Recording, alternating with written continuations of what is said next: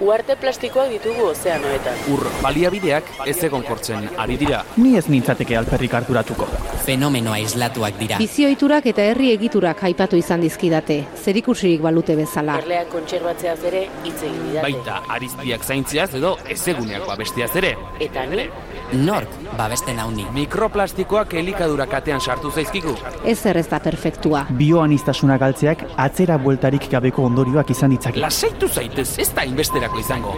energia erabilerari eta garraioari loturiko isuriak izugarriak dira. Ez du nik erabaki horrela izaterik. Aro geologiko bat markatzeko adinako eragina izan dugu. Evoluzioaren aztarna, arro, egoteko modukoa benetan. Baliabideen erauzketak arrakala sozialak handitu ditu. Zer diozu? Nik ez dut alakorik egin. Eragindako inpaktuak direla eta muturreko fenomenoak ugaritu dira. Nire inguruan ez dut hori sumatu. Euri azidoa bertan da. Bizitzak aurrera, garrai. Bai? Ziur, Gelditu makinak.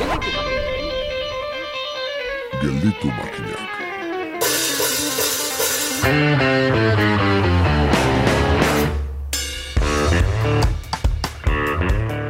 Zuaitz batzuek osto iraunkorrak dituzte eta beste batzuek iragankorrak. Batzuek ostoi eusten dieten neguan adaskak babes ditzatzen edo eta beste batzuk berriz azaroa udazkantzen dute horbela eraginez. Tira ez gara poesia erromantiko merkeetan hasiko, irristada malapartatu mordoa ere eragiten ditu horbelaketan.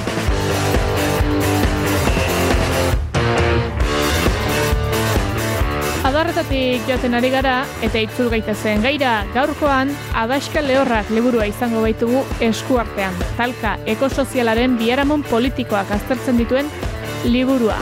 Zertan, hausnarketa politikoak, sozialak eta pertsonalak bildu ditu Jokin Bergara soziologoak. Eta guren izango dugu.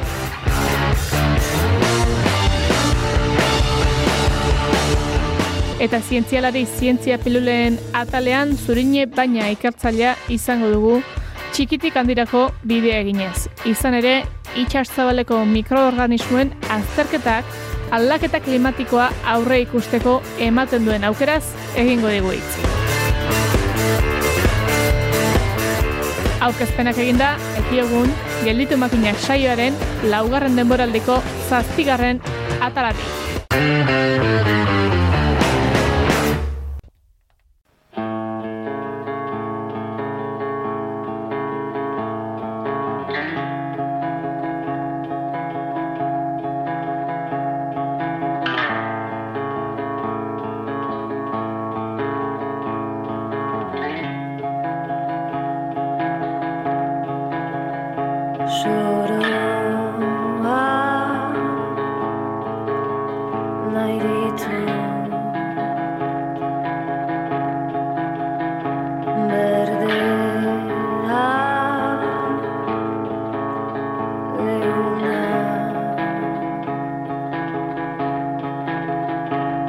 see. you.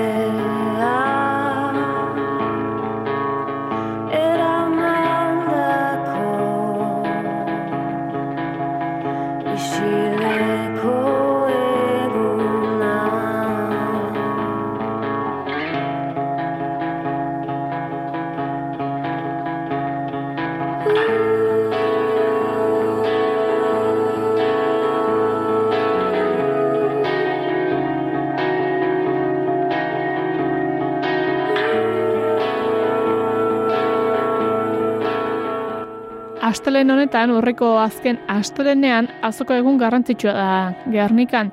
Baserretarrek mimo berez espresatzen dituzte postuak, jakin bai baitakite, gaur egun zeinen garrantzitsua den elikagaiek erakusten dutena. Eta elikagaien atzean dagoena, ere bai, duela astebete pasatxo berriz, Bilbon azoka garlena antolatu zutelako eta agerraldia egin zuten etxaldeko emakumeek eta ene bizkaiak. Euskal Herriko mugimendu feministak azaroaren hogeita marrako deitutako greba orokor feministaren testu inguruan zaintza sistemari buruz egin dituen gogoetak eta ekarpenak aurkezteko. Amets Ladislaok, eh, erakunde antolatzaileen ordezkari gisa, ekintza honekin lortu nahi diren helburuak azaldu zituen, eta etxaldeko emakumeak eta ene bizkaiak Euskal Herriko mugimendu feministak azaroaren hogeita marrako ditutako greba orokor feministarekin bat egiten dutela adierazi zuen. Horrela, eta zaintza pertsonak zaintzea baino gehiago dela kontuan hartuta, lurrak, haziak, urak, abereak, lurraldeak eta ondasun komunalak ere zainduko dituen sistema bat behar dugula uste dute. Holistikotzat jo duten ikuspegia azalduz. Zentzu horretan zaintza elikatzetik ere badatu horrela eta adierazi dute ezin dugula zaintza sistema bat antolatu harinago elikadura osasuntsua erdigunean jarriko duen sistema bat antolaturik ez baldin badago. Amets Ladislao, Azoka garbena hau antolatu dugu, esateko emakume bat zerbitakok ere, azaroaren hogeta marrean konbokatuta dagoen greba feminista orokorrarekin bat egiten dugula. E, hau esaten dugu, uste dugulako elikadura osasuntsua zaintza sistemaren barne dagoela, gaur egun daukagun elikadura sistema presion espekulazioan oinarrituta dago, eta guk esaten duguna da, sistema alimentario lokalak behar ditugula, eta jendeak eskubidea duela osasuntzu elikatzeko. Horregaitik, e, azoka garden hau konbokatu dugu eta amar euroren truke e, baserbiko produktu desberdinak edukiko ditugu, berdurak, e, jogurrak eta ogia, e, oinarrizko produktuak dira, amar euroren truke, prezio justo eta duin baten. intersekzionalitatea bide beraz azaroaren hogeita marreko grebari begira.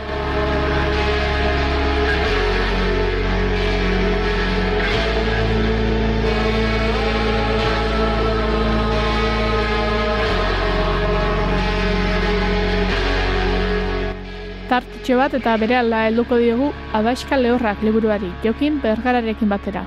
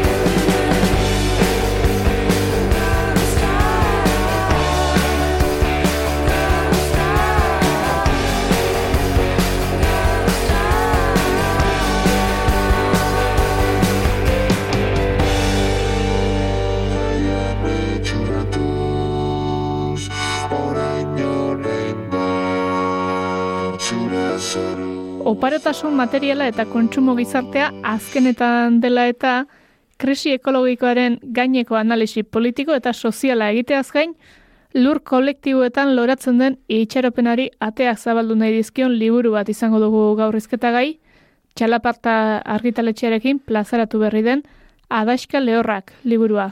Eta horretarako gurean dugu Jokin Bergara soziologoa, liburuaren egilea bera eta gainera sarrera ere bertatik lapurtu diaguna, ongi etorri Jokin. Eskerrik asko. Tira, hoxe duzu lehenengo liburua, fisikoki irakurri dezakegun lehen liburua, zer nolako esperientzia izaten ari da? Bueno, ba, esperientzia ona, ez? Eh, esango nuke, eh, bai, liburu batek ematen dizu eh, albidetzen dizu, ez? Bestela igual beste formatu batzuetan, igual formatu akademikoagoetan edo eh, esan ezin dituzun gauzak ba, esateko, ez? Olako askatasun bat, eta egia esan, ba, bueno, gaia ez da oso, oso posgarrea, baino bai gozatu nuen idazten. Ez dela pozgarria diozu, landuko dugu, eh? polik-poliki eh, xietuko dugu liburua bera, baina pozgarria ez dena ere, izenburua bera iruditu zait neri, adaxka lehorrak eta burura ekarri dit, hortik ote datorren ere galtu nahi dizut, Xabier Leteren nina izkantutik arlaxka lehorrak esaten du berak, ea hortik ote datorren edo nundi datorren izenburuari. Hmm, Bai, ba- badu, badu lotura, bai. E, bai, kontziente naiz ez dala e, oso, oso estimulagarria agian e, izenburua, baina bueno, nik uste gai, gai honek iradokitzen diguna edo e, askori e, pentsarazten diguna bai, bai daukala lotura nola baiteko e, ez dakit e, muga existentzial batekin edo benetan jokoan dagoena dela bizitzaren e, biziraupena bera edo ben- beintza gaur ezagutzen dugun forman. Eta bai bai iruditu zitzaidan formula bat pixkat angustia hori edo e, adierazten adierazten duena eta ba bueno hor hortik e, hortik heldu nion eta hasien erabaki nuen horrela jartzea eta bueno gero ere egia da e, liburuan zehar irakurtzen duena ba ikusiko duela ba pixkate eraldaketaren aldeko aldarri bat ere badagoela, ez, ez e, nihilismoan ez erortzeko.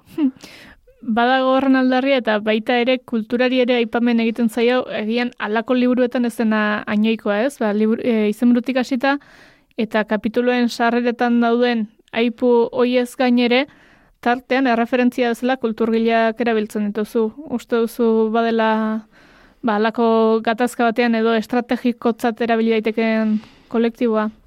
Bai, bueno, ez, ez dut eh, bat olako kontzientziatik eh, erabili, eh? Ola, aipuen, eh, aip, ai- aipatu dituen autoreak edo ekarri ditudan beste, beste esaldi batzuk, nik uste azkenean liburu batean islatzen dela ere norberaren erreferentziak zeintzu diren, eh, eta bueno, ni ba naiz irakursalea eta pixkat kulturarekiko kezka badaukat, eta eta ba hortik e, ekarri ditut, ez, iturri horietatik. Gero egia da ere, ba aipatzen dudala eta uste dut mm, badela gai bat, ba, bueno, kulturak egin dezakela ekarpen izugarri bat, ba, pixkate hegemoniaren eta pixka zentzu komun horren batailan edo borrokan, ba, ba beraien ekarpena, ekarpena egiteko, ez? Nolabait bestelako bizi modu batzuk e, gaur egun saltzen segun distopiaren aurrean ba, irudikatzeko eta guk ba, praktikara ekartzen saiatzeko.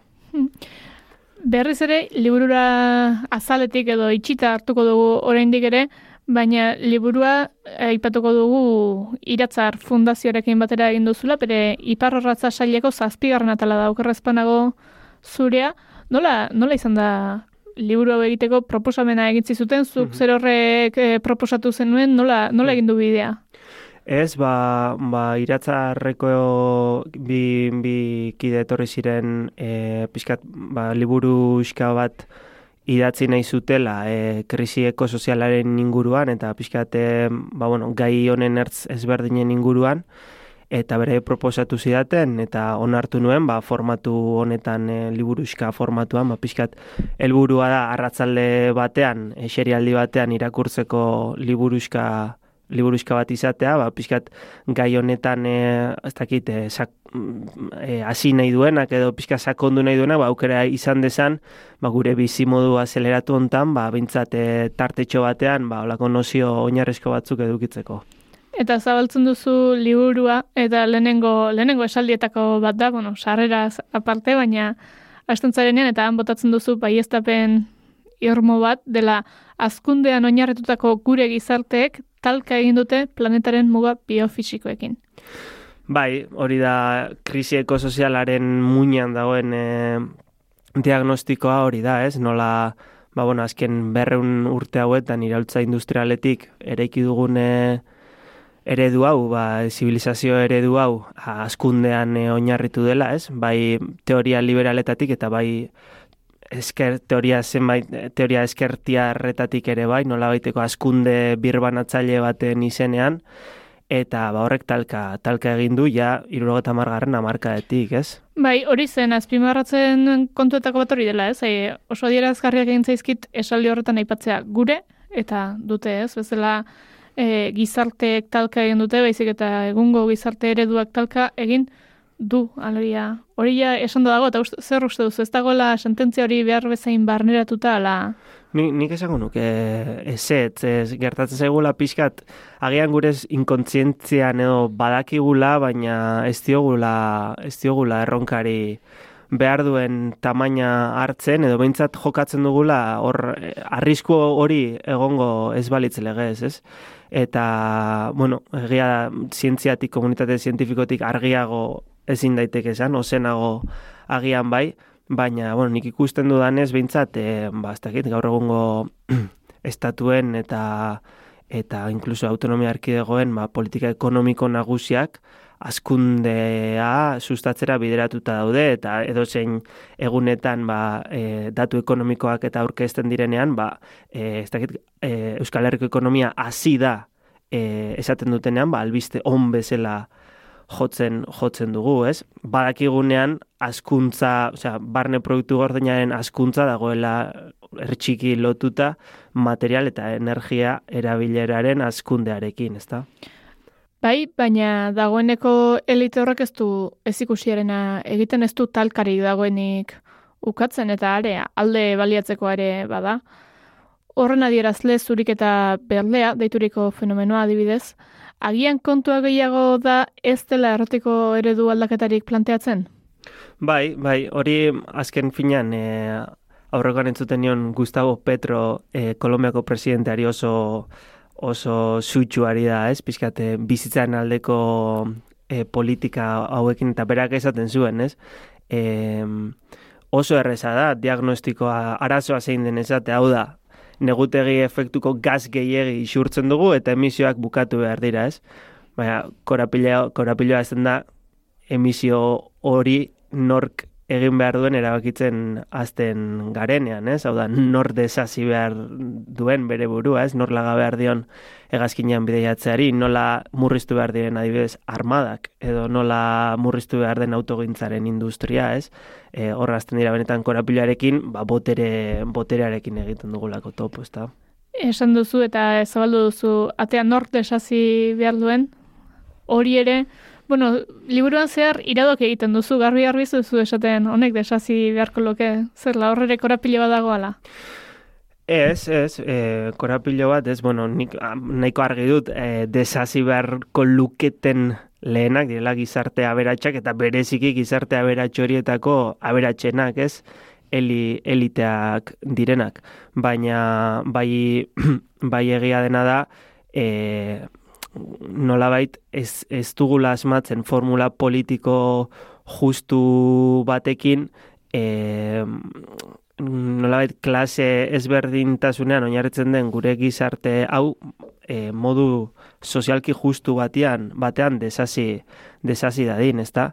Baina bueno, nik garbi garbi esango nuke desasi beharko duten lehenak direla ba jet pribatuetan e, egan egiten dutenak eta inkluso e, Europar mendebalde honetan bizigaren bizigaren herritarrak ere bai, ba estelako e, jasangarria inundik inora, ba, ez dakit bi kotxe edukitzea familian, edo asteburu edo zin asteburutan egan edozein hiri bizitatzera joatea, edo, bueno, edo furgonetan bidaiatzea etengabe, edo, bueno, eh, ez, uste dute hor batzuetan gure buruari ardura kentzeko edo esaten dugula, ez, baina ez da gure errua, ez da, ez dakin, Elite bat dago hor, eta horiek lehenengo horiek, ez? Bai, gobernuaren errua edo, baina, bueno, nik uste ardura kolektiboa dagoen bezala, e, ardura individuala ere badagoela, eta ho- hori hori ukatzea iruditzen zait, badela, ba, nolabait bizkar gainetik, e, ba, egin dezatela besteek e, esatea, ez? Planteatzen duzun beste zerbait eh, da baita ere presio sozial moduko bat edo kontzientzia horrek eragin beharko lukeela gizartean ongi ikusia ez egotea bademagun oporretara joateko urtean e, bi hegazkin hartzea edo hori sozialki ere alda, eman beharreko aldaketa bat dela ez dela ekonomikoki bakarrik. Bai, hori da beste, beste alor bat, pixkat, eh, eztabaida ekosozialaren e, eremuan eta gertatzen dena, eta, bueno, nolabait tesia da, e, gizarte orok e, ekoizten duela, ba, ari baliagarria zaion e, herritar mota, ez? Eta pixkat gizarte ekologista baten, edo jasangarri baten herritar mota horrek, ba, nolabait garatu beharko lukela zentzu komun hori, edo ez dakit nolabaiteko moral partekatu bat, zeinetan ba, planeta txikitzen dituzten praktikak e, ba, moralki gaitzesgarriak e, izango diren, ezta? E, zer bestela, bestela etortzen bada dekretu bidez debekua, ez, no, ba, erreakzio naturalena da, ba, matxinatzea, ez, debeku, debeku horren kontra, eta hain zuzen, trantsizio ekosozialak arrakaste izan dezan, ba, norbanakoak ulertu behar du eta barneratu behar du, ba, hau ariketa kolektibo bat dela, eta nolabait borondatez, bere borondatez e, atxiki behar dela, ez, prozesu horretara. Desazkundea, bueno, ez duzu askotan aipatzen desazkundea liburuan zer, baina egia da, pro, egiten dituzun proposamenak, ba, horretara bideratuta daudela, eta horietako bat da, komplexutasun soziala murriztea. Hori azalduko zen iguke pixka bat? Bai, agian, eh, ba, ba, badirudi ez, dela olako esaldi pompoxo bat edo. Ez, ba, ez da, ez da horren zaila. E, kontua da, bizi garela gizarte ultra espezializatu batzuetan, ez? Nola gaur egun, ba, lan, lan merkatuan sartzeko, edo, bueno, beste, bizitzaren beste atal batzuetan ere, ba, eskatzen zaigu aditu bihurtzea, espezializatzea, ez? Eta horrela egiten nola gure ekarpena ongizate kolektibora eta pixkat diagnostikoa da e, behar den material nolabait, sofistikazio maila hori behar de, e, mantentzeko behar den energia eta materia iturriak ez dira bideragarriak izango, orduan egin behar gara pixkat simpletu. Hau da, gizarte soilagoetara joan. E, batez ere teknikaren aldetik, ez, e, ez dakit olako eraikuntzaren aldetik, e, horrek ez du esan nahi, e, adibes, harreman sozialetan sinpletu behar garenik, hau da, nik uste mm, batzutan sofistikatu behar garela gehiago, ez? Baina normalean e, ekonomikoki errentagarriak ez diren eremu horietan, badibes, kulturan, e, zaintzaren eremuan, osasungintzaren eremuan, ez? Ba, horretan e, bai komplejizatu behar gara agian e, gehiago, ez? Baina pixkat hau e, gogoeta hau doa, ba, hori, ez? Nola baite, bastak, eta handiko trenen e, azpiegitura erraldoi eta ultra komplexu bat edukitzea, ba, ba ez dela, ez dela ekologikoki bideragarria. Beraz, ulertzen dena da, norabide desberdinak daudela helburuaren arabera eta dirudienean, ba, ipatzen denean desazkundea ez, ez dela urtetan, edo agian bai, galdera egingo dizut, urtetan atzera egitea eta itzultzea duela berrogeita hamar urte bizi ziren bizimoldera. Ba, ba ez, ez hori agian gaizki ulertu bat da eta e, pedagogia egin beharra dago e, pixkat argudio hori desera ikitzeko, ze normalean desazkundearen aurkako sustatzaile lehenengo argudia hori da, ez? Zueko bazuloetara bueltatu nahi duzu eta ez, ba, berriro e, joatea trapu batekin, ez? E, ipurdian. Ba, ba, ba noski ez, ez? Hau da, nik uste erronka dela nola, ba, gure gizarteetan e, aurrera pausu handiak eman dira e, ba, ez dakit, gai, gai askotan, ez da, e, ez dakit, e, ba, e, generoaren aldetik ba, duela berrogeta mar urte nola gauden, gaur egun nola gauden oso ezberdina da, duela berrogeta mar urte ebez komunitate bizitzetara eta itzultzea aldarrikatzen denean, ba, komunitate batzuk oso ilunak, oso itxiak, oso kontrolatzaileak ziren, eta horrekin hautsi da ere, bastakit biziera modernoari esker, ere, zentzu batean, ez? Da nik uste hori hori mantentzea dala helburua, ez? E, honek Jorge Rechmanek esaten zuen, erronka da bizitzea hogeita bat garren mendeko eskubideekin, baina materialki, ba, hogei garren mendeko balia, baliabideekin, ez? E, ba, nik uste hori ez dela e, kobazuloa eta bueltatzea inundik inora, inkluso bizitza, hobeto bizitza ere badela, ba, nola baiteko acelerazio konstante honetatik e, ateralko ginelako. Liburuan agertzen den beste esaldi bati helduko diogu, eta da, bizitza sare komplexuaren bilakaeraren araberako etorkizuna izango dugu. Eta, bueno, ez dira liburuan bertan lantzen, baino galetu nahi nizuke horri buruz, ze, bueno, liburuko esaldi bat den arren, liburutik kanpora badaude beste mugimendu batzuk, ez? Eta agian ekofeminismoan badaude zenbait korronte, ba, espezien arteko aidetasunaz hitz egiten dutenak, edo badaude besteren batzuk ere efizientziaren aurkako aldarri egiten dutenak, edo abere indarra berreskuratzearen edo erabilera berreskuratzearen alde, bueno, zuk nola ikusten duzu aipatzen duzunean bizitza sare komplexuaren bilakaeraren araberako etorkizuna izango dugula, nori heltzen diozun edo ze korronte horietatik zer ikusten duzun?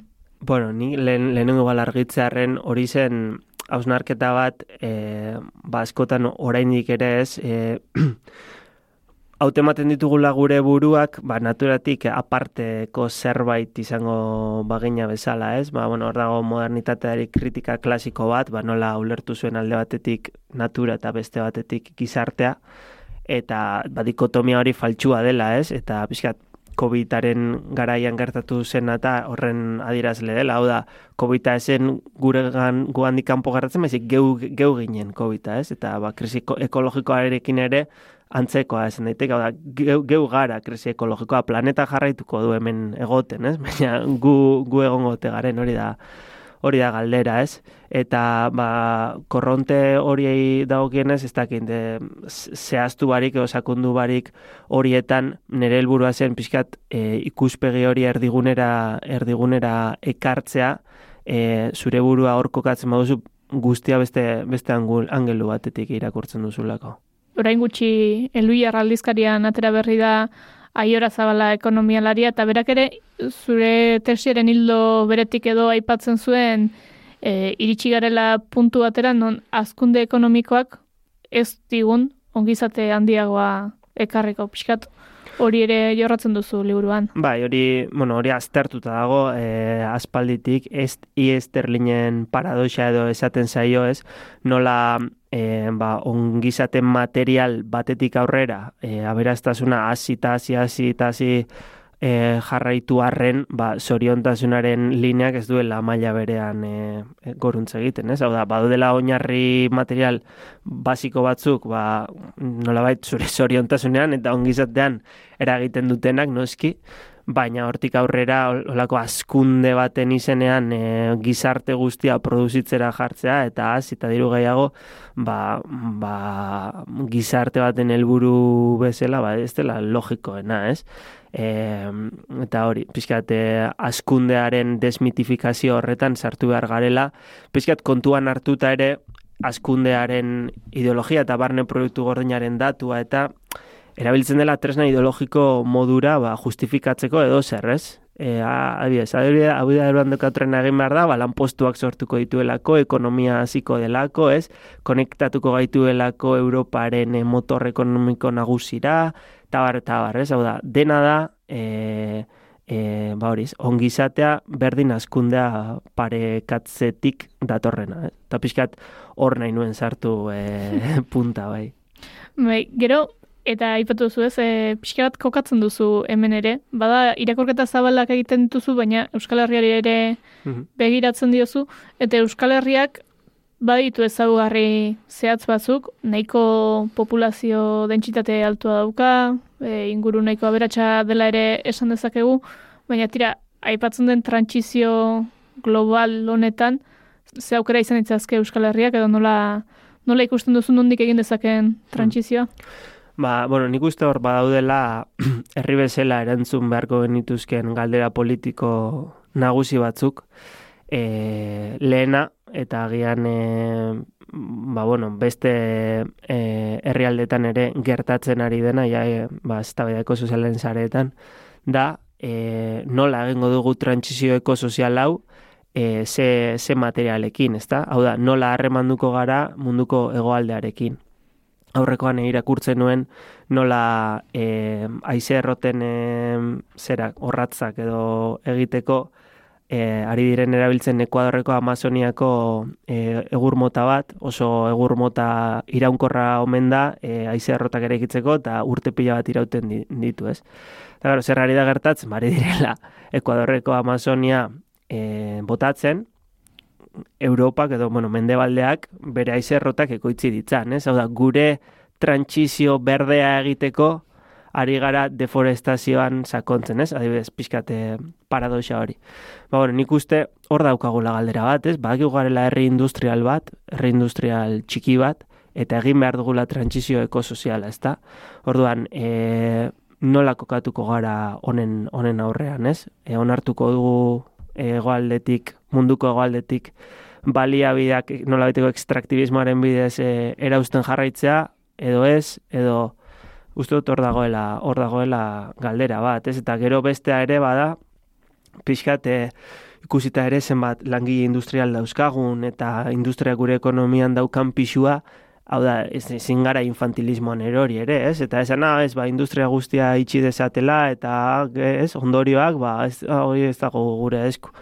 Nola bai, nik uste ardura hartu behar dugula ere, ba, ba, bertan eh, lan egiten dutenekin, ez, pixkat elkar lanean, e, ba, nola sindikal gintza eta trantsizio ekologikoa, edo langile borroka eta borroka ekologista uste dut, oso sakonki arilkatuta daudelako, ez? Bataren etorkizuna bestearena bestearena delako, ez? Eta orduan, ba, pixkat hori ere aldarri hori ere jartzen nuen, jarri barritugula martxan, nola bait, e, ez, ba, ez dakit, vanguardistak edo diren proiektuak, ba, pixkat, e, industria desfosilizatzeko, baina aldi berean, ba, langileak ez kondenatzeko langabeziara. Hor, langile antolamendu modu batzuk aipatzen dituzu, tartean tartean e, ekartzen duzu adibideren bat ere, GKN-eko Bai, langilena bai. esaterako, Bai. hortik ze, zer iruditzen zaizu, azaldoko bazen pixka bat, zer iruditzen zaizu ekartzeko modukoan, niri adibide bezala, ba, argi argi iruditu zait. Bai, ba hori, bera, oso esperientzia polita eta iradokitzailea da. E, hau izan zen kasu bat e, Florentzian, e, bueno, ba, zera, fabrika, fabrika bat, ba, fondo buitre batena edo zena, e, ba, lauren da piku langile zeuzkan, eta fa, ba, hauek funts putre honek, ba, bidali zien igande arratzalde batez email bat langileri esaten kaleratuta zeudela, ez? Eta, bueno, honek sekulako mm, e, aserre soziala eragin zuen, e, ez bakarrik langileetan, baizik ko- inguruko komunitateetan, ez? Eta e, orduan langileek, pixkat, nolabait sare, Florentziako sarea asoziatiboarekin harremanean erabaki zuten lantegia berriro okupatzea, eta astea ematen lantegiari ba, beste erabilera batzuk ez bakarrik e, ba, piezak fabrikatzeko, ez baizik e, ez dakit asambladak egiteko, saiatzeko produzio kate berrietan sartzen, ba, nolabait irizpide jasangarriekin, pixkat egoten ere fabrika e, hango bizitza sozialean integratua, ez? Eta, eta gainera ba, oso egiten dituzten manifestazioetan eta insorjamo leiloaren atzean ba, taupatzen duten arima e, antifasista eta nabarmena da, ez? Eta, bueno, nik uste badela hola argi puntu bat, ez? Edo inspiratzailea den em, ekimen bat, e, ba, nola inguru oso industrializatu batean ere, ba, Italia iparraldea den bezala, e, ba, ari diren jartzen e, praktika alternatiboak e, martxan, ez? Eta, bueno, nik uste Euskal Herrian ba, irakasgai batzuk atera ditzakegula esperientzia horretatik. Gero bada beste kontu bat, eta da mugimenduaren izaera edo nolakotasuna kasu honetan mugimendu ekologistaren arteko bagenu, eta liburuan bertan ere esaten duzu urbanoa eta akademia zalea dela, edo dela esan izan dutela, iruditzen zait mugimendu, olako mugimenduetan, azteko beste gehientsuenak bezala de, izan daitekela, baina baita, bueno, ba, adibideak ekarriz, ba, Euskal Herrian badaudela beste mugimendu batzuk, ez, ba, etxalde izan daiteke, edo herriz herri antolatuta dauden plataformak, plataforma nazionalagoak ere badaude, beraz, kutsu urbano eta akademia zalea duela esate hori hori zer da, deslegitimizatzeko bide edo nondik egiten da irakurketa? Bai, bueno, hori aipatzen dudana da e, ekologismo politikoari e, akusazio hori, o salaketa hori egin izan diotela, ez? Eta, bueno, izango nuke e, bada, badagoela oraindik sektore bat, ba, e, horrekin asoziatzen duena, ez? Oso gai zientifikoa denez eta ez, oso, ba, ez dakit, behar denez formazio maila altua agian, e, ba hori, bere ala lotzen da, ba, klase ertainarekin, edo ertain altuarekin, errenta altuekin, eta bar, eta e, esan behar dena da, e, ba, ekologi, ekologismoa oso zabala dela, eta adibidez Alemaniako berdeen kasuan, ba, ba nabarmena da, e, perfil soziologiko hori betetzen dutela, ez? Gainera orain, ba, bueno, Ukrainiako gerrarekin eta bar, e, oso militarizazioaren alde, oso belizista daude, bueno, pixkate inorrek ulertu ezin duen e, zerbait, baina hori hori ari da gertatzen, ezta? Eta nik esaten esaten nuena zen, ba, hain zuzen, e, pixkat hori desera ikitzeko, argudio hori desera ikitzeko, ez? Hau, izan behar dela herritarra, izan behar dela askotarikoa, eta izan behar dela, e, bastakit, sektore sozial ugari barne biltzen dituen borroka eralda, eraldatzaile bat, eta eta injustu ere ba, Euskal Herrian ba, badauzkala errosakonak ba, e- herrian, ez? Au- Auzo mugimenduetan, herri mugimenduan, e, eta uste dut ba, nolabait horrekin nahi nuen esan ba, badagoela hor hasi bat ba, eman dezakena e, ba, mugimendu ekologista potente baten e, emaitza. Agian, militantzia gehien erakusten dutenak edo badira, momentu puntualetan an- eh, antolatutakoak, eta esango baldin badugu, espektro zabal bati er, erantzuten diola, sozialki behintzat, izan daiteke adibide, gartuxia margeratzen zaigu izulako besteak beste zaldibarko zabortegiaren kasua, hor askotariko jende elkartu zen, baina bada zerbait puntualari erantzuten diona. Nola egin hori iraunkor izateko eta ba, bueno, ba, jende ideologia ez dakite hain zabala izango lukeen, baina ezaguarri desberdinetako jende bat biltzeko mugimendu baten bueltan. Bai, ba, bueno, nik esango nuke hor ba, badago eztabaida ba, ekologista batzuen artean. Nolabait e, ekologismoaren diskursoak e, ba, politikoki operatiboa izateko ze, ze emozio mobilizatu behar dituen, ezta? Eta batzuk esaten dute, ba, adibidez, jendea beldurtzen ez dugula ezer lortuko, jendea ez egula aurreratuko, ba, jendea ez dagoelako prest entzuteko, ba, dena pikutara doala, ez? Hola, laburrean esan da. Eta beste batzuk esaten dute, ba, ba injustu, ez? Diagnostiko zorrotzak e, e, komunikatzea dela baldintza, oinarrizko baldintza bat, e, gero horren aurrean aterabide sortzaile batzuk edo martxan jartzeko, ez? E, ez dakit nik nola zein zintzu diren e, ez, em- emozioen e, e, barne korronteak, baina bai esango nuke e, ezin diogula uko egin e, gi- gizarte berri baten, gizarte iraultza baten e, ametsari, eta aldi berean diagnostiko zorrotzari, ez? Pixkat eskutik e, helduta joan behar dute, bestela pixkat da jendea tratatzea, ba, inozoa izango balitz bezala, ez? Bueno, ez dizute izango zein dan egoera, beldurtuko zarelako eta ezarelako nirekin etorriko, ba, bueno, nik uste ja, denok nahiko heldua garela eta e, ba hori, nola bait, da, mm, da kontzientzia bat izatea, ba, pixkate kapitalismoari zabaldu zaion arrakalan nagusienetakoa, nagusiena ez bada, hause dela, eta hemen eraginda, hemen gogor eraginda, e, beste gizarte forma bat lortu, lortu daitekela, ez? E, lasaiagoa, zoriontsuagoa, eta gian sufrimendu gutxia, gutxiagokoa, ez? Eta, eta hori izango nuke, ba, pixkat konektatzen asmatzea, ba, gizarte iraultza, edo eraldaketa, edo esan nahi diozun bezala, eta, eta egoeraren e, diagnostikoan ba, ardura hartzea. Hortik liburuan bertan behintzat aurrera ere egiten duzu eta esaten duzu martxan jartzeko gai izan beharko ginetekela ikuspegi ekologista zentroan duen operazio soziopolitiko irabazle bat. Bai, bai. Hori asmo handia da. Bai, bai, bai.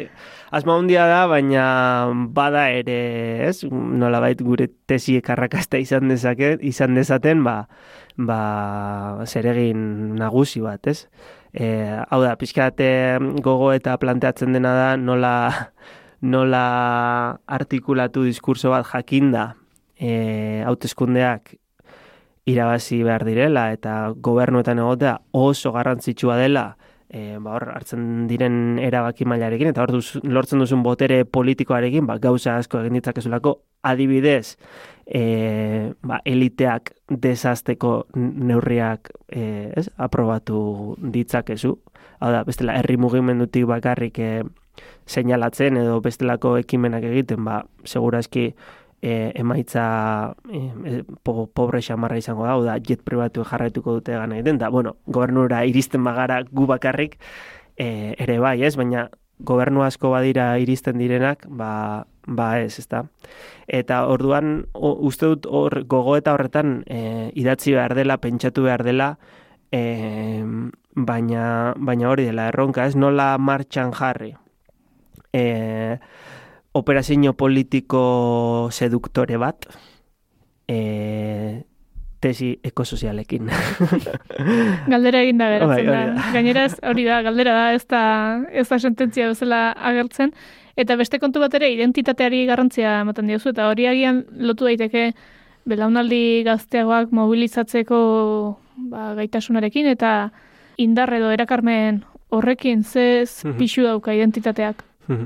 Ba, ba, handia, ez? E, nola esan hau, ba, bueno, beste kontu bat, e, ba, gogoeta egin behar duguna, edo, bueno, pixkat, e, e, gizarte kapitalista hauetan e, funtsezkoa dena, bere funtzionamendurako, bada, ba, gaztea denak, edo gaztetxoa denak, e, eta, bueno, ezen gaztea, ja, heldua denak ere, e, ba, bere identitatea ekitzen du, duela kontsumoaren arabera, ez? Ba, nolabait adibidez ulertuta kotxea ba, zure zabalpen bat modura edo zuri buruz zerbait esaten duen e, objektu bat modura edo egiten dituzun oporrak, Instagramera igotzen dituzun argazkiak, ez, e, zoazen makro jaialdiak, edo, bueno, berdin zait, ez, nolabait e, kontsumoaren logika barneratuta dauzkaten identitateak dira, ez, eta pixkat hor hor jartzen dut, eta erreta esateko nahi baldin badugu gizarte ekologistetan bizi, ba, hau desmerkantilizatu behar da gure identitatea eraikitzeko modua, ez? Hau da, e, merkatuari ezin diogu utzi gure buruak definitzen gaur egun e, daukan e, indarrarekin, ez? Beste helduleku batzuk bilatu behar dira, helduleku kolektiboagoak, agian Euskal Herrian ba, ba, horretaz zerbait badakigu, ez da? E, baina, bueno, pixka gogo eta hori da, e, nola deslotu makina e, kontsumozale horretatik. Ba, horiek eta gehiago e, lantzen dituzuz, adaxka lehorrak liburuan, esango dugu berriz ere txalaparta argitaletxarekin ateratakoa dela eta iratzar fundazioaren iparrorratza sailaren barruan. Ez dakit aurrera begira aurkezpenik edo badukasun edo e, mugituko zaren liburuarekin. Bai, bai, ba, asmoa, asmoa badugu, e, hola, urkezpentxo batzuk egiteko, e, bueno, aurregoan azaroak bederatzean e, algortan egongo naiz, e, eta bueno, ondoren ere, ba, duranko azokan egongo gara, eta bueno, beste herri batzuetan ere bai, eta bueno, pixkat helburua da, ba, ez da bai dauek e, sozializatzea, ez, e, nolabait e, jendearekin hitz egitea, jendearen kezkak partekatzea, eta bueno, ea denon artean, ba, lortzen dugun norabide ekosozial batean, ba, e, eraldaketa fase potente bat e, martxan jartzea. Bueno, ba, ea ala den eta hemen airean geratu zaizkigun galderak erantzutera, ba, ba gu ez bagara beste norbait etortzen den. Eskerrik asko jokin gurean izategatik. Ba, eskerrik asko zuei. Eli pagolarekin geldituko dituzu makinak naiz irratian. Errepidean nagoela Zora bioak bertan dira alde batetik bestera Iuntasuna nagusi. Ezer ez bidean ikusi. Baina ara zerra gertuta Basoko oreina galduta. Autua geratu behar izan Saioa ezin amaitutzat eman zientzialari tarteari dagokion leku eskaini gabe gaurkoan itsas mikroorganismoez hizketan zurine baina.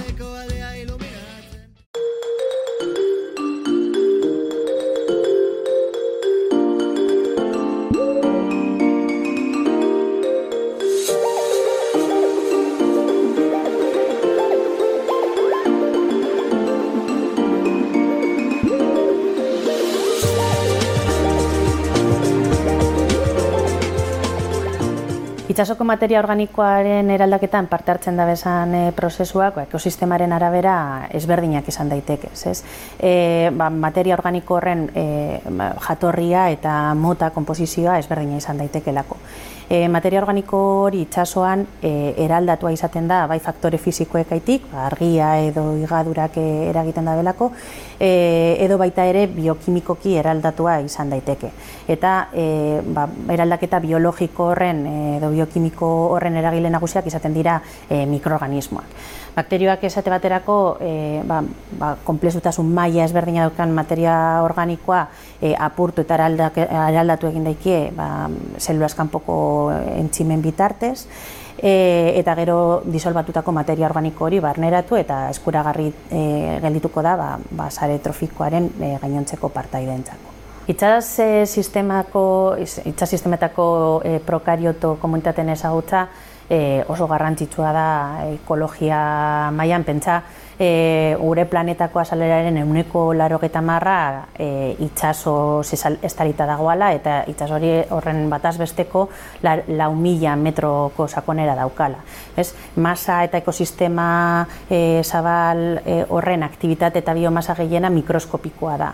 Orduan, e, mikroorganismo honen ugaritasuna, anistasuna, jarduera, e, benetan ezagutzea eta ze, ze faktoren menpe dagoan e, ezagutzea oso garrantzitsua izango da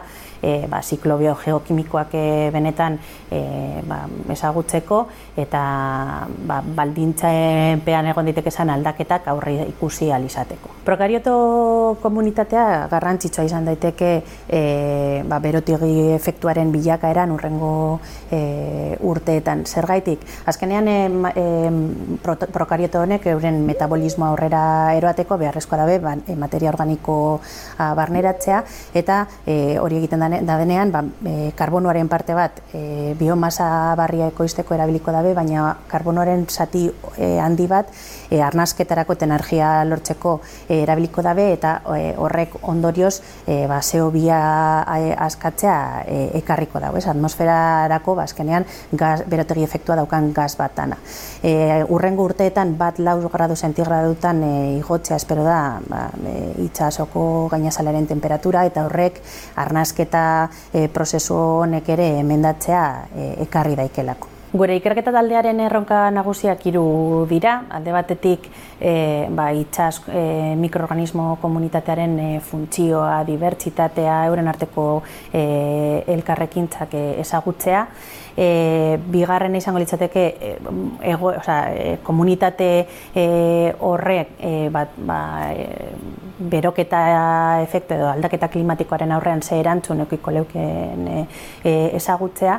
Eta hirugarren erronka bat izango litzateke e, ba, gaur egun gizarteak e, daukasan e, arazo larri eta e, behar izanei e, aurre egiteko erantzunak aurkitzea. Eta hori e, zelan ba, itsas mikroorganismoen e, bioprospekzioa eginik. Ba, zer, e, zer bilatzen dugu? Azkenean e, ba, antimikrobiano barriak egon daiteke esan e, edo antimikrobianoak e, e, produzitzen edo ekoizten da bezan mikroorganismo barriak aurkitzea, entzima ezaugarri bereziak dauki esan e, entzimak aurkitzea, industrian e, erabilgarriak izan daiteke esanak, edo baita ere ba, ingurumenaren e, bioerremediazioan e, ba, erabilgarriak izan daiteke esan e, espezien isolaketa egitea.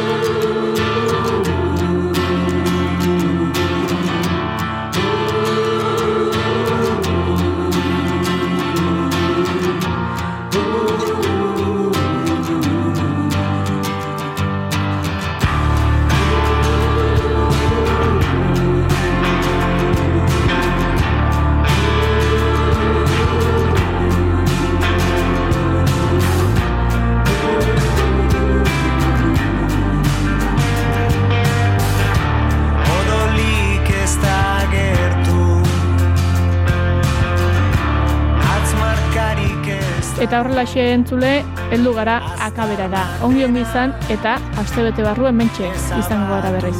Aio.